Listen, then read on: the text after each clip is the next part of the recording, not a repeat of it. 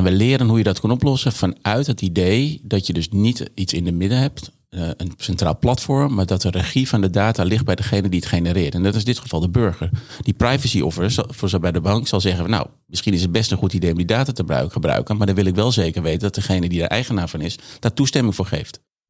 De Dataloog is de Nederlandstalige podcast over big data, data science, machine learning, kunstmatige intelligentie en de digitale transformatie. Luister naar onze wekelijkse podcasts, nieuwsupdates, specials en mini-colleges. Zo Eva, daar zitten we dan. Eindelijk, Lex. Het power duo hè, van de Dataloog, toch? Ik dacht dat die nooit zou komen. Goed, nou welkom bij uh, afdeling. Waar, waar zitten we even? Hoeveel nummertje? Ja, volgens mij was het 421, als ik jou moet geloven. Het is niet te geloven. Het gaat, uh, gaat zo snel. En vandaag een heel interessante podcast. Waar ik ontzettend veel over wil weten, wil horen. Wat wel kan, wat niet en waarom. Uh, wij hebben tegenover ons de Data Sharing Coalition, Eva. En dat is Sanne Middendorp en uh, Papijn Groen. En wij vragen altijd in het begin, hoe, hoe zijn jullie in hemelsnaam zo gekomen bij de Data Sharing Coalition? Wat hebben jullie gedaan? Wat is jullie achtergrond? Ga los, Sander. nou, dat vraag ik me inderdaad ook af. Hoe kom ik bij de Data Sharing Coalition terecht? ik heb een achtergrond in de financiële sector en heb gewerkt bij een bedrijf SBR Nexus, wat ging over het data delen tussen de banken en hun klanten, hun zakelijke klanten. En in die, die hoedanigheid ben ik in contact gekomen met, uh, met InOP, die een onderzoek aan het doen waren over hoe kunnen we data delen in, uh, in Nederland uh, beter organiseren en makkelijker organiseren. En hebben gevraagd of ik vanuit daaruit wil meedenken. En daarna ook mee organiseren om de coalitie vorm te geven. En zo ben ik daar beland en zit ik daar inmiddels drie, jaar, drie jaar in. Mooi. En je zei net al, hè, via InOP zijn we eigenlijk, of ben je daar onder andere door getriggerd? Pepijn, jij komt van InOP? Absoluut, ja. Ik uh, heb ook een achtergrond uh, in de financiële wereld. Dit keer bij een verzekeraar. Uh, zeven jaar geleden gaan werken voor Inopay. Dat is een consultant op het gebied van digitale transacties. specifiek gericht op betalingen, digitale identiteit en datadelen. En datadelen is het onderwerp van de Data Sharing Coalition, Datadeelcoalitie in Nederland. En ja, we zijn een paar jaar geleden gestart met een programma op verzoek van het ministerie van Economische Zaken om in Nederland een coalitie van partijen te organiseren die iets willen op het gebied van data delen en daar inzet, uh, middelen voor ter beschikking willen stellen en uh, toe willen werken naar een, wat we noemen een generieke datadeelinfrastructuur waar iedereen in Nederland data kan delen met elkaar. Ja, dat is natuurlijk hartstikke mooi, uh, mooi streven. Ja. Maar hoe, hoe, is dat, hoe is het zo begonnen? Je zegt het ministerie is ermee gestart. En wat is dan de reden en de achterliggende gedachte? Nou, dus er ligt een, uh, er ligt een waardepotentieel in, uh, in data. En vooral door het deelbaar te maken kun je dat waardepotentieel realiseren.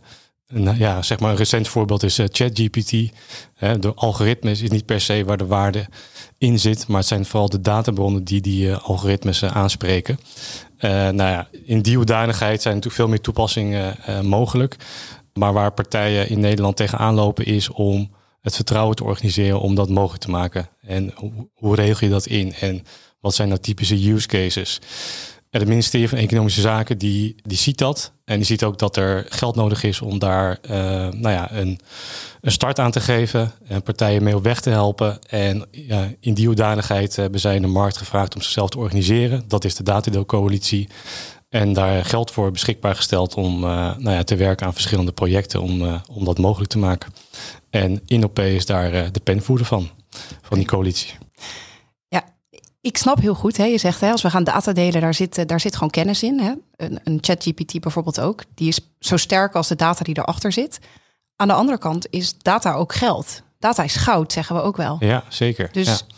wat stimuleert bedrijven dan die zich bij jullie aansluiten om om data juist te delen en niet achter gesloten deuren te houden? Ja, dat is een hele goede vraag. Er zit zeker waarde in uh, het benutten van je eigen data en daar goed naar te, kijken.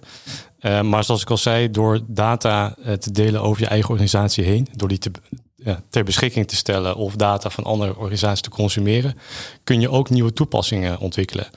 Ja, we kijken bij de Datadeelcoalitie naar wat voor toepassingen dat mogelijk kunnen zijn, welke thema's dat raakt.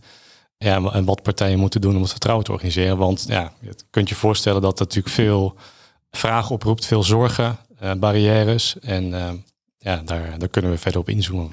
Hey, en Sander, zeven jaar geleden zijn jullie begonnen, uh, hoorde ik net. Kan je ons eens een beetje meenemen in die afgelopen zeven jaar? Ministeries begonnen met, ja, dat moeten we gaan doen. Wat, wat hebben jullie in die zeven jaar allemaal gedaan? Nou, wat, er, wat je zag in beginsel, uh, dat het ministerie uh, ook vooral vanuit zijn plicht keek naar de markt en naar uh, wat gebeurt er met data rondom de grote platforms.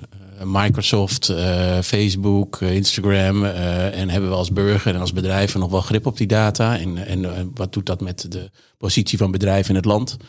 Nou, vandaar uit dat onderzoek, vandaar is gekeken van joh, we moeten dat veel meer generiek organiseren met elkaar om ook het MKB en het bedrijfsleven in Nederland een plek te geven. Nou, waar we mee gestart zijn uh, een aantal jaar geleden, is eerst eens nadenken langs welke assen moet je dat allemaal bedenken. Wat is er eigenlijk allemaal belangrijk als je data gaat delen? Hoe kan je het vertrouwen organiseren? Dus daar zijn we over gaan nadenken. Wat zijn dan de onderwerpen? Daar hebben we een eh, aantal uh, frameworks voor geschreven, boekwerk, gewoon boeken voor geschreven. Waar staat het in?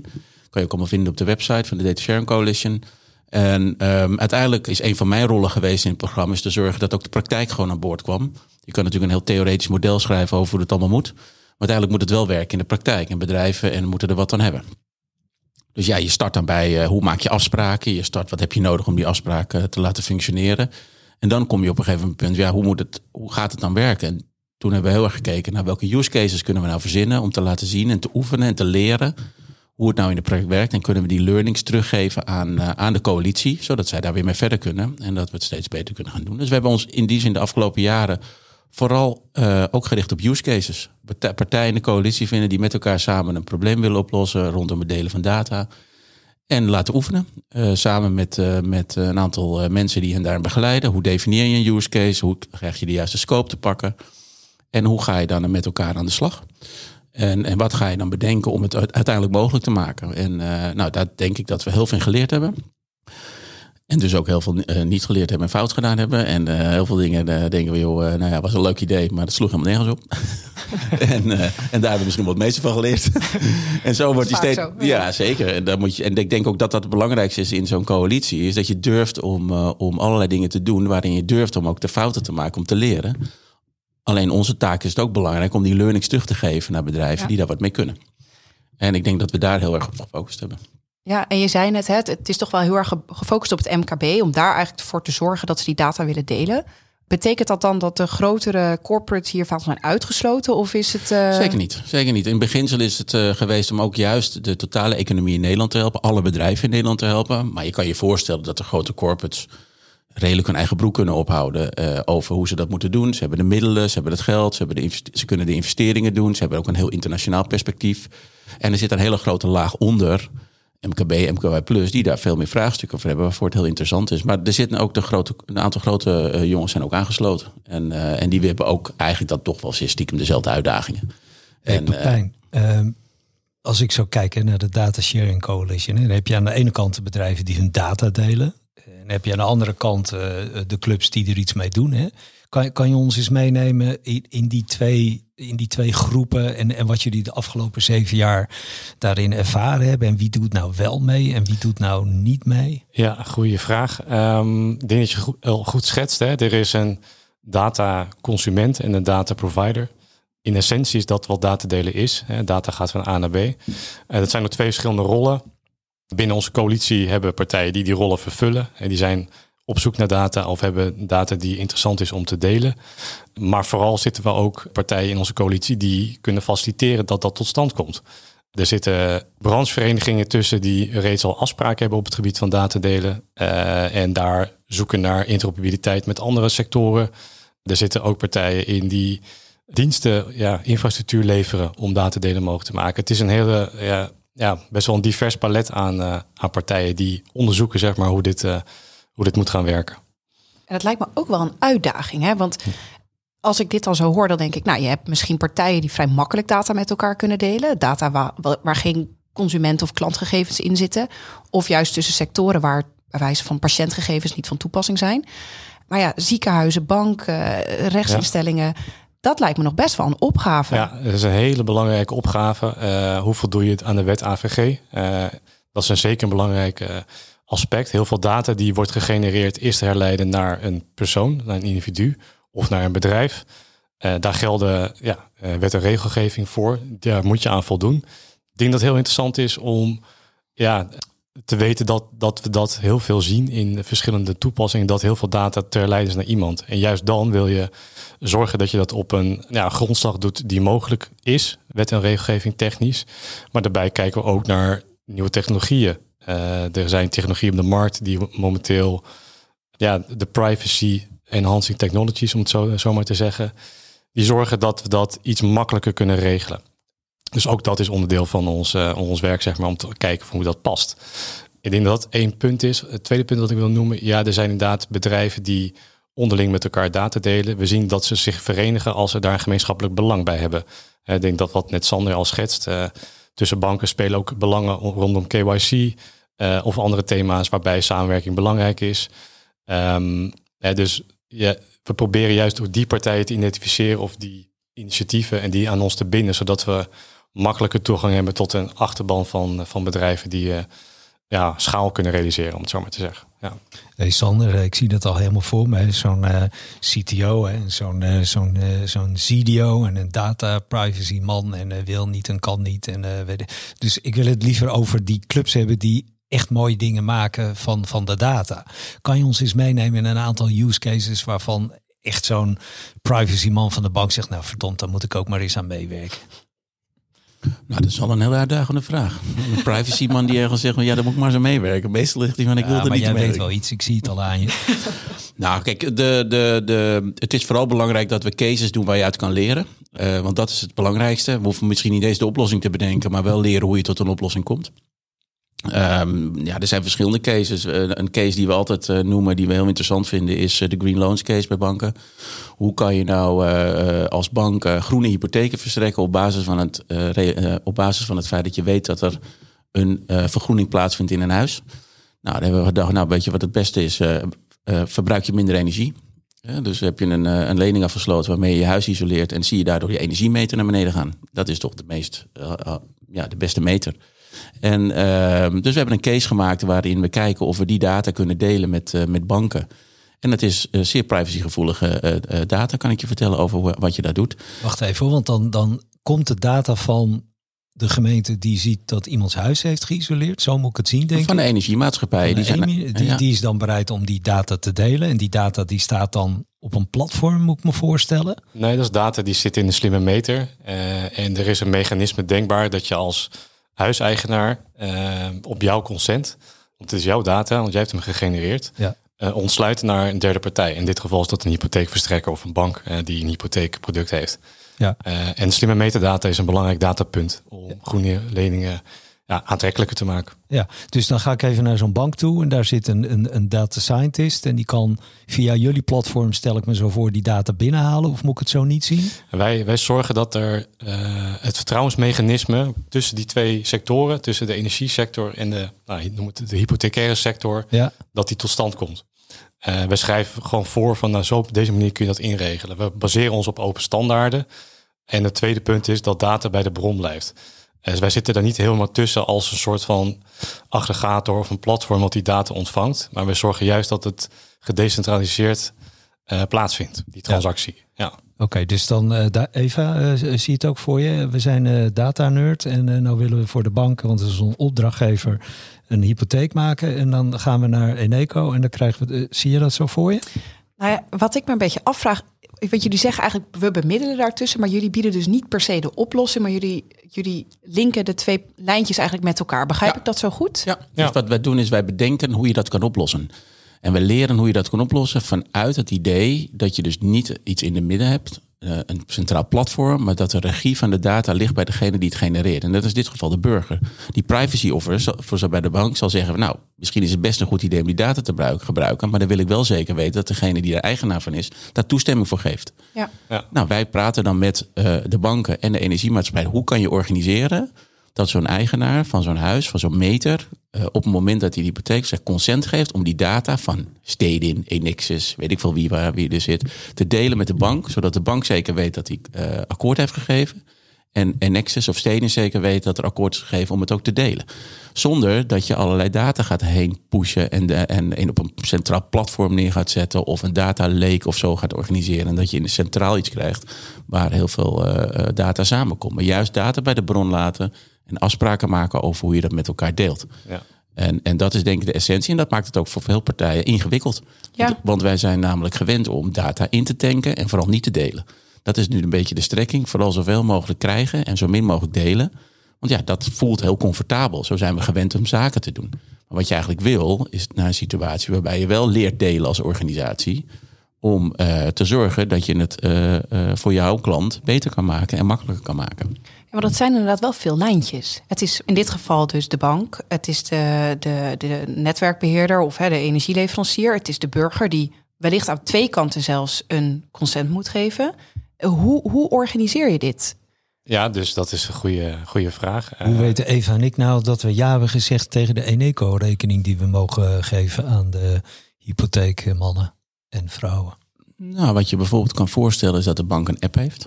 Waar jij in zit en waar je een hypotheek sluit. En waar staat op een gegeven moment wil jij hierbij akkoord geven aan uh, een Nexus of Stedin om jouw data te delen. En dat je dat daar aangeeft. En dat dan er onder water een bericht gaat naar, de, uh, uh, naar dat energiebedrijf. En die zegt, nou hier is consent gegeven op, dit, op deze data voor deze meneer of mevrouw met dit adres. nou, et cetera, et cetera. En uiteindelijk ontstaat het terug. En misschien heb je ook wel een Nexus-app en daar staat in, of een, een Eneco-app, of weet ik veel wat voor app. En daar staat in, hé, hey, jij hebt toestemming gegeven om jouw data te geven. Dat lees je allemaal, Eva? Uh, wil je een eerlijk antwoord? Je moet altijd eerlijk zijn, Eva. Oh, nou, zeker. Ik, uh, ik denk dat ik wel heel vaak. in de stoel. Uh, ja, Ja, ja, ja, ik word helemaal nerveus. Nee, ik denk, ik denk dat ik wel heel vaak in sommige gevallen blind consent geef. Ja, net als uh, heeft u de algemene voorwaarden gelezen? Ja, ja natuurlijk. Uh, bestaat er ook een, een, manier om zoiets dan terug te draaien op termijn? Dat je zegt, nou, uh, ik consent gegeven, later luister ik deze podcast uh, van de Data Sharing Coalitie en ik denk, toch maar eens even terugkijken in mijn app wat ik, uh, wat ja. ik ooit heb gedaan. Nou, Kun zeker. Ja, terugwerkende kracht? Ja, zeker. Het is wel belangrijk om iets van de consent dashboard te hebben. Even terug. Hè. De price officer zal het goedkeuren, want uh, als ze de eindgebruiker uh, of degene voor wie de data is consent heeft gegeven, expliciet. En dat kun je natuurlijk altijd teruglezen of meetbaar maken. Dan mag dat. Hè. Dan mag je dus data delen. Dat is een belangrijke grondslag in de, de AVG. Uh, in de gebruikersinterface moet dat natuurlijk heel helder zijn. Dat je dat consent kan intrekken. Uh, dat, nou, dat je daarmee kan, kan sturen. Misschien een ander voorbeeld. Hè. Dus wat we doen is niet nieuw. we kennen ook, misschien heb je daar gehoord, van gehoord, PSD2. het zijn de nieuwe betaalrichtlijnen. PSD2 heeft in het verleden twee dingen mogelijk gemaakt. dat je als rekening-eigenaar jouw data kan ontsluiten naar een derde partij op basis van jouw goedkeuring. Dus denk bijvoorbeeld aan een financieel huishoudboekje wat je als app hebt, uh, die wil toch graag toegang tot jouw rekeninginformatie. Daar geef je dan exp expliciet consent voor. En banken moeten dit mogelijk maken. En daarmee cre creëer je dus nieuwe innovatie. Dat is een.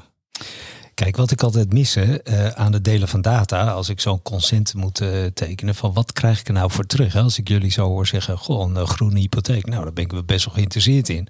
Maar als ik zo'n lijstje krijg van wil je data delen, dan denk ik dan denk ik eigenlijk altijd van nou, nee, liever niet. Dus aan de ene kant, hè, dus hoe leg je nou uit aan de mensen die data genereren wat ermee kan? Wat kunnen we verwachten van de overheid? En uh, er is een Data Act Europa. Wordt het gewoon niet eens tijd dat het verplicht wordt gesteld dat bepaalde data gewoon gedeeld wordt? Ja, ja Data Act gaat dan een stap verder dan uh, de AVG of de GDPR op Europees niveau. Data Act gaat ook over niet alleen over rechten geven aan consumenten, maar ook uh, eisen stellen aan bedrijven die data bezitten om dat ontsluitbaar te maken. Het portabiliteitsrecht. Dat is een van de belangrijkste onderdelen van de Data Act. Die moet daar invulling aan geven. En dat gaat, nou, dat gaat vooral over connected devices. Hè. Dus daar gaat de Data Act ook over. Uh, dus dat je data die in jouw auto zit of in jouw slimme apparaten, dat je die uh, kan ontsluiten naar een derde partij. En die kan daarmee slimme dingen doen. Denk aan een verbeterde after-sales market voor auto's. Nou, en, en ander soort toepassingen. En ik denk dat raakt ook zeg maar jouw punt hè, van ja, wat krijg ik ervoor terug? Ja, dat kun je er dus ook voor als eindgebruiker voor terugkrijgen. Een ander voorbeeld dat ik net gaf was van het financiële huishoudboekje. Als ik een derde partij toegang kan geven tot mijn bankrekeninggegevens. En die ziet dat ik uh, x bedrag uh, betaal per maand aan, uh, aan mijn internetprovider. Kan mij vertellen van ja, maar dat is veel te veel. Want ik zie dat die internetprovider veel gunstige aanbiedingen heeft. Dus krijg, je, krijg ik af en toe bericht van... hey, we kunnen je helpen uh, om gratis over te stappen. Nou, dat is uh, zeg maar een concreet voorbeeld van wat datadelen kan doen. En hoe we op dit moment als een van de modellen kijken naar hoe we dat vertrouwen en die waardecreatie, hoe we dat gaan ontwikkelen. En dit is zijn voorbeeld die ik net geef. Maar we zien ook nog voorbeelden die we niet zien, om het zo maar te zeggen. Dus uh, ja, daar, ligt een heel veel, uh, daar, ligt, daar ligt gewoon potentie. Zijn er andere landen dan buiten Europa waarvan je denkt, nou daar gaat het bijvoorbeeld echt goed en daar kunnen wij nog wat van leren? Of is deze Data Act Europa eigenlijk al een voorloper op een heleboel zaken? Uh, ja, Data Act zal op Europees niveau worden ontwikkeld en zeg maar per lidstaat worden doorgevoerd. Zijn er landen in de Europa of in de wereld die uh, nog meer vooruitlopen? Um, vind ik moeilijk om te zeggen. Ik denk dat we redelijk innovatief zijn in Nederland en hier ja, best wel goed mee op weg zijn. Maar we zijn een kenniseconomie, dus je zou eigenlijk verwachten dat we dit al zouden doen. Ja, het is toch best... Ja, ik, ik doe het in ieder geval. Dus ik weet niet hoe het met jullie zit, maar ik, uh, ik maak gebruik van dit soort eh, diensten. Maar ik, ik ben hier ook bekwaam mee. Dus uh, ja, ik geef vaak consent inderdaad. Dat klopt. Ja, er zit natuurlijk ook heel veel bedreiging in aan de andere kant. Hè? Ik bedoel, kijk naar de banken. De hele... Dat wilde ik net zeggen. Ja, het is de hele... bedreigd voor heel veel mensen. Ja, nou, voor mensen, maar ook voor bedrijven. Dat is ook de reden waarom je in coalitie, wat mij betreft, ook aan de slag moet. Om gewoon te gaan leren hoe je dat moet doen. Kijk, Kijk naar de banken, die hebben heel lang gepoogd om dat allemaal tegen te houden. Ik weet het, uh, we wisten nog wel van nummerportabiliteit, dat je je nummer niet mocht verhuizen. Toen hebben op een gegeven moment de wetgever gezegd, nou als je je nummer niet, als jullie het niet regelen, dan zorgen we gewoon dat jullie je data beschikbaar moeten stellen. Waardoor er een hele fintech-industrie is ontstaan, uh, die op basis van die bankdata allerlei nieuwe diensten aanbinden. Succesvol, minder succesvol, makkelijk, minder makkelijk, maar ontstaat iets nieuws. Nou, je kan je voorstellen als andere grote organisaties die een soort macht hebben met hun data nu ook moeten gaan delen. Uh, ik geef wel gekscherend. Stel je voor dat alle data van de bonuskaart van Albert Heijn gedeeld moet worden met iemand die zegt: Ik ga ermee naar de plus. En die zegt: Joh, jij drinkt 433 liter melk per jaar zie ik nu. Ik zou juist een goede aanbieding doen dat je de melk bij ons goedkoper kan kopen. Nou, dan heb je Albert Heijn jarenlang die bonuskaart zitten verzamelen. Kijk naar mij, Sander. Zie ja. er zo melkachtig uit. Ja, jij bent volgens mij wel iemand die een glaasje lust. Ja, ja glaasje melk. Ja, ja, denk het wel. Ja, denk oh. dat. Je hebt in ieder geval een wit shirt aan, dus dat scheelt. Maar je kan je zoiets bij voorstellen op het moment dat je dat soort. Het is natuurlijk ook. Men wil ook de macht doorbreken van het feit dat partijen die daar in het verleden door een dienstverlening veel data hebben kunnen verzamelen, daar een positie mee ontwikkeld hebben die niet, zo, die niet voor iedereen even prettig is. Misschien wel voor die bedrijven. Dus ik zou bedrijven inderdaad oproepen, ga leren hoe je dat moet doen. Want er komt een keer een moment dat je er iets mee moet doen. jullie hebben ongetwijfeld uh, bij allerlei bedrijven presentaties gehouden en de toegevoegde waarde hiervan. Uh, als je nou kijkt naar de afgelopen zeven jaar, hè, waar, waar, gaan we nou de komende zeven jaar naartoe? Zien jullie nou echt een doorbraak dat alle grote banken en, en, en autodealers en uh, Pepijn begint al te lachen mee gaan doen? wat, wat, wat denken jullie dat er gaat gebeuren? En wat is er nou nodig om hier echt eens een keer een grote doorbraak, uh, als je het hebt over de medische wereld. Ik ben bereid om alles te geven om er zelf beter van te worden. Maar ik denk dat ik een van de weinigen ben uh, die daar zo open voor staat. Wat is er nou nodig en wat zien jullie nou voor de komende tien jaar echt, echt een doorbraak realiseren? Toen was het wel heel snel. Ja, ja dit, dit, is namelijk een vraag die kan je heel mooi beantwoorden. Dus dan kijk ik altijd even hoe gaan we hem beantwoorden. Uh, nou ja, ik denk dat het, uh, het heel simpel is. Op een gegeven moment moet er ook gewoon wetgeving komen. Want iedereen denkt toch voor zichzelf. Heel simpel. En uh, iedereen denkt toch, hoe kan ik er beter van worden? Er bestaat een economie toch uiteindelijk uit. Uiteindelijk is wel het ene bedrijf en veel economie draait om ik weet iets meer dan jij en daarom heb ik een betere propositie. En op het moment dat je data transparant gaat maken, omdat je wil dat dat terugkomt bij burgers en bedrijven die daarover regie hebben, dan is maar dan vrijwilligheid, zo naïef ben ik niet. Dus er zal iets moeten gebeuren. En dat kan liggen in het feit dat je, dat je wetgeving doet. Dat je zegt, joh, we breken het gewoon open. En daarmee en wat denk ik heel goed is, dat door die data te, te dingen, dat er nieuwe proposities zijn ontstaan van andere bedrijven die leuker, beter zijn en, en waar je meer aan hebt dan, uh, dan, dan dat er nu is.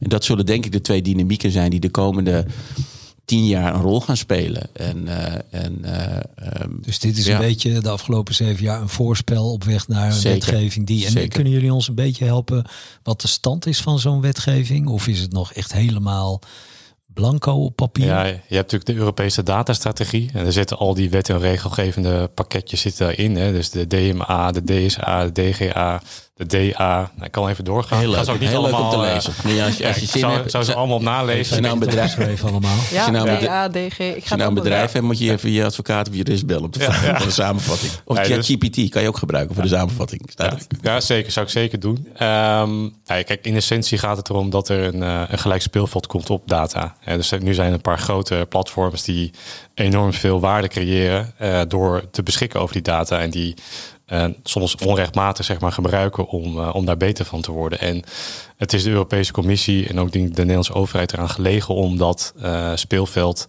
en ja, de waarde die uit data wordt gegenereerd, om het beter te verdelen over bedrijven. Ehm, en ik denk inderdaad dat wet en regelgeving een heel belangrijk eh, driver is. Dat in het verleden gezien.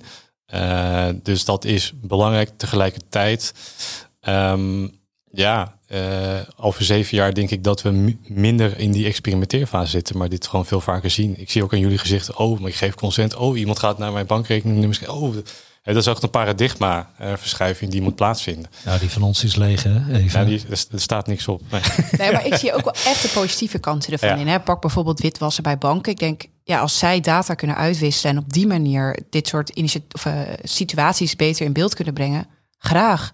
Eh, als ziekenhuizen patiëntengegevens kunnen gaan uitwisselen, waardoor ik beter behandeld word door de Absoluut. arts, Ja. hè, omdat die informatie heeft van andere patiënten uit andere ziekenhuizen, ook graag. Hè. Dus ik zie absoluut de voordelen ervan als, als burger ook in dit geval. Maar ja, ik noem natuurlijk nu wel twee situaties die persoonsgegevens lastig. Ja. Ja, we komen van ver hè, daar. Hè? Ik, Ja. bedoel, ik weet niet of je onlangs nog ergens in een ziekenhuis geweest bent voor iets. Ik hoop het niet, maar eh, mijn vrouw onlangs wel met een ski-ongeluk. En Oh. dan was het eh, de vraag, eh, kun je even de gegevens doorfaxen? Ja, dan wordt datadelen wordt een interessant. Het krijgt een heel andere dimensie, kan ik, je, kan ik je vertellen. Als je kijkt naar witwassen, er is onlangs nog in de Tweede Kamer discussie geweest met de ACM. Die zegt, hartstikke leuk dat jullie allemaal die data delen, maar we gaan ervoor liggen. Jullie gaan niet met collectief al die data in een pool stoppen. En dan naar kijken naar eh, of we misschien een witwasser kunnen vinden met alle gegevens van de burger. Dat, dus daar zie je alweer dat er wat, be- best wel wat barrières zijn. Dan wel technologie, dan wel legal, dan wel misschien een verdienmodel. Waar we met elkaar moeten leren. Ja, hoe gaan we dat oplossen? Want de trein rijdt wel door hierop. Dus dat Er zijn er ook niet. nieuwe initiatieven dan die daar mogelijkheid toe bieden om dat bij wijze van volledig geautomatiseerd te doen eh, of eh, geanonimiseerd eigenlijk te doen en puur inzichten terug te genereren. Want Ja. ik kan me voorstellen Zeker. dat met hoe we op dit moment data kunnen delen, maar ook hoe we modellen kunnen opbouwen, dat daar ook wel mogelijkheden toe zijn om dat ja, bij zo'n wijze van achter gesloten deuren te doen, eh, AVG vriendelijk. Ja. En eh, Die zijn er absoluut. Ja, die zijn er zeker. Er zijn eh, in de AVG staat meerdere eh, grondverwerkingsslagen, zoals dat heet, eh, waarop je data mag gebruiken. En als het de nood hoog is, dan mag een instantie zeggen: Oké, ik ga deze data gebruiken. Maar daar kijken we niet per se naar. Ik denk dat je ook een aantal interessante punten raakt. Is naast zeg maar dat je eh, meer omzet kan genereren als bedrijf. Of dat je betere dienstverlening kunt ontwikkelen voor je klanten. Zien we ook gewoon een paar sociaal-maatschappelijke eh, thema's. En gezondheid is een hele belangrijke. Data is daar gewoon essentieel om te kunnen innoveren. Eh, natuurlijk is dat lastig als je het hebt over patiëntendata of data die te herleiden is naar patiënten. Eh, maar er wordt heel hard gewerkt aan allerlei voorwaarden om dat wel mogelijk te maken. En daarin ga je denk ik de komende jaren ook veel zien. Andere, andere sectoren waar data delen heel belangrijk is, is eh, bijvoorbeeld mobiliteit. Dus als OV-bedrijven en, en derde aanbieders zoals Felix en eh ja, bikeshare, carsharing-achtige diensten. Als die goed met elkaar weten te samen te werken op data, dan kun je die dienstverlening heel goed op elkaar laten aansluiten. En daarmee heb je een, ja, een duurzamer aanbod voor, eh, voor, voor consumenten en voor zakelijke reizigers. Ehm, ja, als je dat kunt organiseren, dat is natuurlijk fantastisch. Maar je zit met al die barrières, Ja. met die privacy, met die commerciële barrières. Ja, dat is nou typisch wat, we wat we innoveren. En eh, nou, ik denk dat dat over een paar jaar, dat die barrières er niet meer zijn. En dat je dus dat eh, gelijkmatig eh, nou ja, gaat zien dat de dienstverleningen die daar eh, gebruik van kunnen maken, van profiteren, dat die jou iets beters gaan aanbieden. Ja. Ehm, hoeveel procent van, stel eh 100 procent zijn alle bedrijven die data genereren. Hoeveel procent van de bedrijven staat nou open, of nou niet open, maar doet mee in het Data Sharing Coalition gedachtegoed, laat ik het maar zeggen. Is dat nou 1 procent, is dat 99 procent of zijn we al aardig op weg? Nou, wat je ziet is dat eh, we zitten nu in een coalitie met... Met 65 eh, partijen, eh, denk ik daar deel van die dus eh, een branche of een sector vertegenwoordigen. Daarmee dus ook een achterban heeft. Dat zijn veel bedrijven. Ehm, Ja, dus ik denk dat veel, veel mensen zijn geïnteresseerd. Hè? Die willen wel weten hoe het zit. Die denken voor, voor, voor hun moverende reden van ik moet toch eens weten hoe dat werkt. En ik wil daar dingen leren. En de ene is het veel meer belang, dus die gaan er echt vol in zitten in use cases doen. Anderen gaan meer op de achterbank zitten en zeggen, nou, ik zal eens kijken wat er gebeurt. Ja, zo werkt het natuurlijk. eh, wij proberen met de believers zeg maar, de ontwikkeling door te maken, die, waarvoor het ook urgent is en die er ook iets mee willen. Die zien er misschien toekomst een businessmodel in. En wij proberen in die zin zoveel meer partijen te mobiliseren en bewust te laten zijn van wat er aankomt en wat er moet gebeuren. Zowel aan de de- defensieve kant, wat voor bedreigingen levert op. Want dat herkennen heel veel mensen vaak beter dan de kansen. Die zijn altijd wat vager in de toekomst en altijd wat mooier. Maar eh, die pro- proberen we te mobiliseren. En dat is ook ons doel feitelijk. En daarin eh, hun mee te nemen. Om, eh, om, om zich meer bewust te raken van ja, wat moet ik nou de komende tijd doen om te zorgen dat ik in die ja, open dynamische wereld waar datadelen straks de norm gaat worden om überhaupt in een digitale economie mee te kunnen doen. Hoe kan ik daar nou goed mijn positie behouden en hoe kan ik dan zorgen dat ik daar meedoe? Duidelijk. Dus, dus als je, eh, net kwam eh, GPT al even voorbij. Hè? Eh, als een idioot loopt dat. Ik geloof eh, miljoenen mensen zitten al op de platform, waardoor ook echt die toegevoegde waarde eh, bewezen wordt. Hè? Dus als ik nou even naar GPT kijk, die dan het internet traint en boeken en schilderijen, noem maar op. Dan hoor ik aan jullie kant 65 partijen, hè? dus ook brancheverenigingen, noem maar op. Dat is dan die, die data source. Maar die groep die dan eh, met miljoenen op de GPT is gedoken, dat vind ik veel interessanter. Want daardoor zie je dus wat er gebeurt. Kunnen jullie daar wat over vertellen? Wat, wat zijn nou de groepen die echt vol op die data duiken? Ik zie dan ook al meteen de, bij de bank eh, de hypotheekadviseur. Nou, die wordt helemaal wild natuurlijk van de Eneco-data. Kunnen jullie aan die kant eens wat vertellen? Wie zijn dat nou en wat wordt daar nou gemaakt? En, en hebben jullie een aantal hele gave use cases waardoor na deze podcast eh, de hele databron wordt leeggezogen en, eh, en toegevoegde waarde wordt gecreëerd? Zal ik er nu een, eh, ik, ik kies even een andere. We hebben het al gehad over hè, de, de privacy op data eh, en het belang zeg maar, van data delen of data samenwerking om nou bepaalde problemen in de maatschappij op te lossen. Een thema is mensenhandel. Misschien jullie niet zo bekend, maar het is een enorm groot maatschappelijk probleem. Oh, je hebt het voor je. Ehm, maar dat is, ehm, er zijn heel veel instanties in, eh, in Nederland en in Europa die eh, onderzoek doen naar criminele groepen, naar slachtoffers. Eh, die verzamelen allemaal data. En je zou zeggen, nou, als die nou met elkaar gaan samenwerken, dan creëer je allemaal nieuwe inzichten in bijvoorbeeld modus operandi van bendes. en hoe, hoe, zien die ketens er dan uit? en hoe komen die mensen dan bij ons in ons land terecht? Maar dat lukt niet. Eh, want we zijn heel huiverig om met elkaar samen te werken. En ehm, we zoeken daarin ook naar een doorbraak. Ehm, ik zal niet zeggen dat we die per se hebben, maar we hebben een eh, technologieprovider in onze coalitie zitten. Eh, die is gespecialiseerd in multi-party computation. Eh, dat is een bepaalde techniek waarbij je wel inzichten uit data kan krijgen. Data blijft bij de bron, maar de data verplaatst zich niet. En is ook niet herleidbaar naar individuen. Eh, heel interessant. Ja, ik, eh, ik, ik krijg er meteen vraagtekens bij, want hoe, hoe, hoe werkt dat dan? Ja, goede vraag. Ehm, nou, het werkt. Ik ga niet alle de- technische details uitleggen, want dat kan ik ook niet precies navertellen. Maar er zit een hoop encryptie in. En ja, de encryptie, eh, data wordt geëncrypt, hè, versleuteld. Het wordt ergens naar een plek gebracht. Daar wordt een vraag aan die data gesteld. En dat, die dataset geeft daarop een antwoord. En dan krijg je iets terug, een inzicht. Nou, het klinkt heel alsof, nou ja, daar niet heel veel waarde uit kan onttrekken. Eh, maar je kunt bijvoorbeeld wel kijken van, hé, hey, eh, de persoon die ik in deze lijst heb staan, staat die ook ergens, wordt die ook onderzocht door een andere instantie. Eh, nou, dat kan al relevante inzichten opleveren. Ehm, dus in die zin, ehm, ja, denk ik dat we daar wel eh, ehm, nou ja, op die manier ook goed, goed naar kijken. Ja.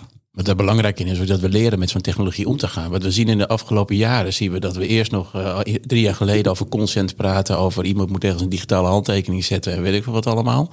En nu een paar jaar later hebben we het al over deze technologie, dat een of andere encryptie eh, data zit te, te, te. En je vraagt voor, staat die daar, staat die daar? Zeg, ja, dat is zo. Oh, nou mooi, dan weten we dat en dan kan je iets mee doen. En dat is alweer een ontwikkeling.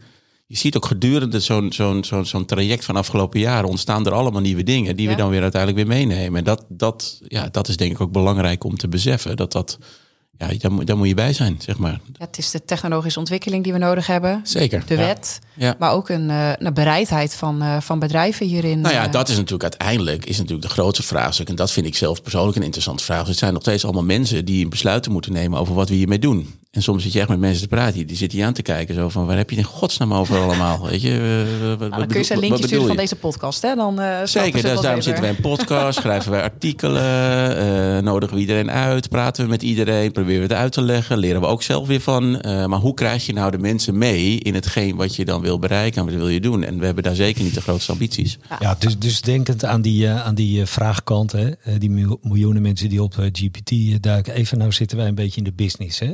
Heb jij nou een idee waar wij moeten zijn om een use case op te lossen met, met data die georganiseerd, eh, of, of laat ik zeggen, die beschikbaar wordt gesteld door andere bedrijven eh, via Data Sharing Coalition? Heb je, weet jij nou waar jij dat moet zoeken? En dus ook alle data scientisten die nu luisteren, die zitten nu op puntje van hun stoel. Want nu gaan we natuurlijk horen waar we dat kunnen vinden. Bel ons. Pepijn, bel vooral Pepijn, zou ik Maar, zeggen. maar Pepijn, werkt dat echt zo? In de zin van eh Eva en ik, eh, ja, we hebben nu een use case. Hè. We, doen nu, we willen graag weten eh, optimaal vervoer aanbieden aan alle mensen in Nederland. En daar hebben we data van, van alle, alle Renaults en alle autofabrikanten en de trein en het vliegtuig. Toch? En we, we Ja. hebben fietsdata Ja. nodig. En hoe, hoe werkt dat nou gewoon Nou ja, praktisch? kijk, we kijken natuurlijk wel naar, is een use case, is die schaalbaar? En dat is belangrijk. Kijk, je kunt zeg maar een... eh, Deze use case, Pepijn, is gigantisch schaalbaar. Oké, nou dan gaan we naar je luisteren. Sorry, sowieso. Dus dan, eh, ja, kom maar. Eerste Ja, vinkje. Moeten we hem nu live bespreken? Dat we er wat nee, maar- verlengen? Nee, Ja, maar, ja, dus- hè, nee, ja, dat is wel, kijk, het wordt een beetje procestechnisch, maar we hebben natuurlijk gewoon wel een aanpak waarop we een intake doen met een, nou, met een eh, initiatief wat een idee heeft. Eh, we kijken of, of het cross-sectoraal is of in ieder geval schaalbaar. Eh, we kijken naar of het waardepotentieel erin zit en of het duidelijk is. Dat analyseren Eh, en of dan de wensen en de stakeholders ook vooral betrokken zijn om het verder te kunnen opschalen. Je zoekt naar een kleine coalitie van partijen die een soort ja, vertegenwoordiging bieden voor meerdere, eh, voor een hele achterban of voor meerdere sectoren. Want als je daar afspraken weet te maken of daar een, een slimme use case hebt, en nou ja, dan kun je daar een mooie basis leggen voor, voor verdere uitbreiding. Dat is wel een belangrijk criterium. Als je zegt, ik wil nou ja, eh, onderling met iemand data delen, dan zeg je, nou dat is prima, maar dan kun je het vertrouwen daarin zelf ook wel organiseren en je mechanismen. Maar, maar nog even, hè, de, Ja. er luisteren duizend eh, data scientisten naar deze podcast. En Ja. die denken, goh, dat is interessant. Ja, verdorie, dat, daar heb ik eigenlijk nooit bij nagedacht. Hoe werkt dat dan? Moeten ze een use case maken? Gaan ze naar jullie toe? Of, of uh, hoe, hoe? Of gaan jullie naar hun toe? Dat kan ook nog. Nou ja, soms hebben we ook zelf een idee. Um, en omdat we die gewoon uh, zien. Uh, maar nou, ik zeg, ik, ik, het is belangrijk om uh, wel af te wegen of wij tijd in moeten stoppen in deze use case. Ja. Um, kijk, en ik denk voor data scientists of voor bedrijven die uh, dit horen of hier naar luisteren en denken, hey, uh, ik heb nooit echt in het paradigma gezeten van wat als ik nu buiten open data of data die ik gewoon kan verkrijgen of binnen mijn eigen organisatie. Wat, wat, wat speelt er in de buitenwereld? Er zijn er partijen met wie ik zou kunnen samenwerken op het gebied van data. En wat voor waarde levert dat op? En ja, dus wat ik zeg, er zijn verschillende varianten. Je hebt wat meer de, de bilaterale, wat de ecosysteemachtige verbanden, zeg maar. Wij kijken wel echt naar grotere schaal uh, toepassingen. Ja, want je noemde ook of het voldoet aan de criteria. Kan je die ja. criteria delen met ons? Ja, dus dat het, uh, uh, dat het niet bilateraal is. Hè? Dus dat je kijkt naar iets schaalbaars, dat het, nou, het waardepotentieel duidelijk is. Ehm, ja, of het uh, überhaupt gaat om iets data delen of dat het iets anders is. Ja, er zijn, uh, ik, er zijn best wel wat, uh, wat, wat aspecten. Ja. Heel goed. Eva, we gaan alweer afronden. We zitten alweer bijna richting de 45 minuten. Jij hebt nog een uitsmijter, ik zie het aan je. Nou ja, ik ben vooral benieuwd of jullie nog een uitsmijter hebben. Want uh, ik kan me voorstellen dat er nu heel veel mensen luisteren die denken... nou, tof, daar wil ik wat mee doen. Is er een uh, mini uh, elevator pitch die we vanaf jullie kant kunnen krijgen? Eén zin wat jullie doen en waarom datadelen de toekomst is? Nou, ik denk dat als je naar buiten, als je in data zit en je kijkt om je heen, dan ben je volgens mij continu bezig om te kijken hoe kan ik data krijgen en hoe kan ik data beschikbaar stellen om daar, uh, om daar een voordeel uit te halen, dan wel defensief, offensief. En op het moment dat je denkt, ik zie daar uitdaging, ik weet niet hoe het moet. En ik vind het spannend. En ik denk, joh, ik ben data scientist. En het zou toch mooi zijn als ik data daar en daarvan heb. Want dan kan ik mijn model beter trainen. Dan kan ik allemaal mooie dingen doen. En je denkt van, joh, ik zie er allemaal uitdagingen. Dan moet je ons bellen. En dan kan je misschien met een paar partijen, of wij kunnen een paar partijen vinden met wie je dan die use case op kan zetten. Uiteraard cross-sectoraal. Het moet een beetje groot zijn. Als je denkt, joh, ik deel wil data hebben van de buren, moet je het zelf maar op gaan halen. Maar als je het wat groter en meeslepender voor je ziet, dan moet je ons bellen. En dan gaan wij kijken wat we voor je kunnen doen. En daar hebben we een goede aanpak voor. We helpen je met de scoping. En we zorgen dat het, uh, dat, dat dan uh, opgestart wordt. Nou, we zeiden aan het begin, uh, data is goud. Maar ik denk, uh, data is zilver en data delen is hierin uh, goud. Helemaal, helemaal waar. ja. Die had ik moeten zeggen. Ja, had ik eigenlijk. Ja, ja, ja. Nou, maar dat, dat, dat is komt gewoon, hè? Dat is toch een hele mooie afsluiter, Eva, potverdorie.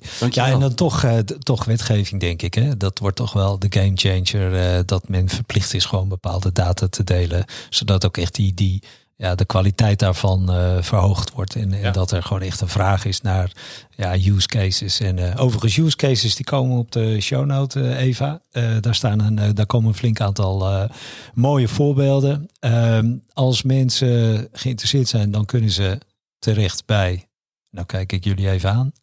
Nou, bij allebei. Ja. www. Datasharingcoalition.eu. Heel goed. Heren, bedankt voor deze mooie podcast. Jullie dankjewel. Jullie dankjewel. Bedankt voor het luisteren naar deze uitzending van de Dataloog. Vond je onze podcast leuk, goed, interessant of wellicht te veel ene en nullen? Laat een review achter of geef thumbs up. Heb je vragen of opmerkingen? Kijk dan ook eens op www.dedataloog.nl. Hier staan ook de show notes van alle uitzendingen. Je vindt onze nieuwe uitzendingen wekelijks op iTunes, Stitcher, Spotify en alle andere bekende podcastplatforms. Alles wat wij maken doen we onder Creative Commons. Je mag alles hergebruiken voor niet-commerciële doeleinden, zolang je ons als bron maar noemt. Volg ons op Twitter op @dedataloog. Graag tot de volgende keer.